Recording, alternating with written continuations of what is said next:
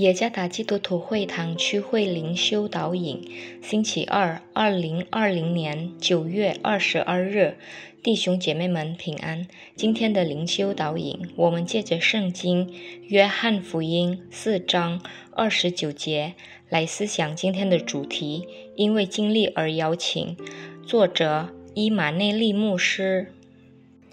约翰福音四章二十九节，你们来看，有一个人将我素来所行的一切事都给我说出来了。莫非这就是基督吗？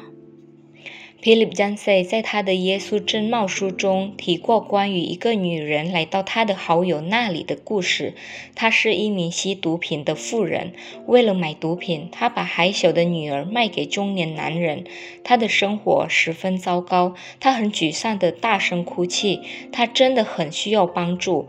詹塞的朋友仔细认真地听，然后对那个妇人说：“你有向教会求助过吗？”他收到的答案令人。惊讶？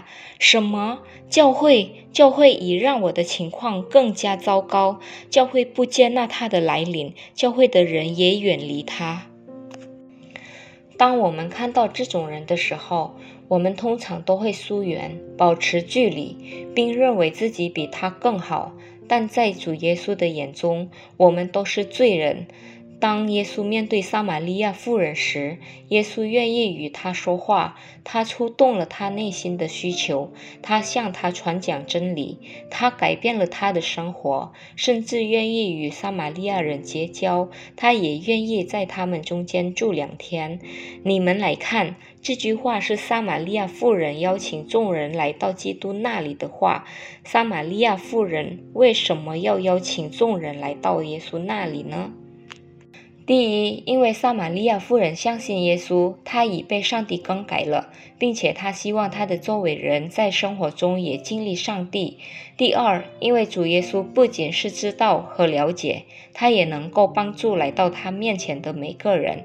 第三，因为主耶稣能够将虚空的生活、无意义的生活变得有意义而充满盼望。我们的生活也是如此。我们已经接受基督，充满我们的圣灵会永远感动我们的心，使我们能够向众人见证我们在基督里所经历的事。无论是谁，无论他的生活背景如何，没有区别和拒绝。我们被赐予从天上而来的渴望，使众人能够听与经历主基督，好让他们的生活也能够更改，并拥有永生的盼望。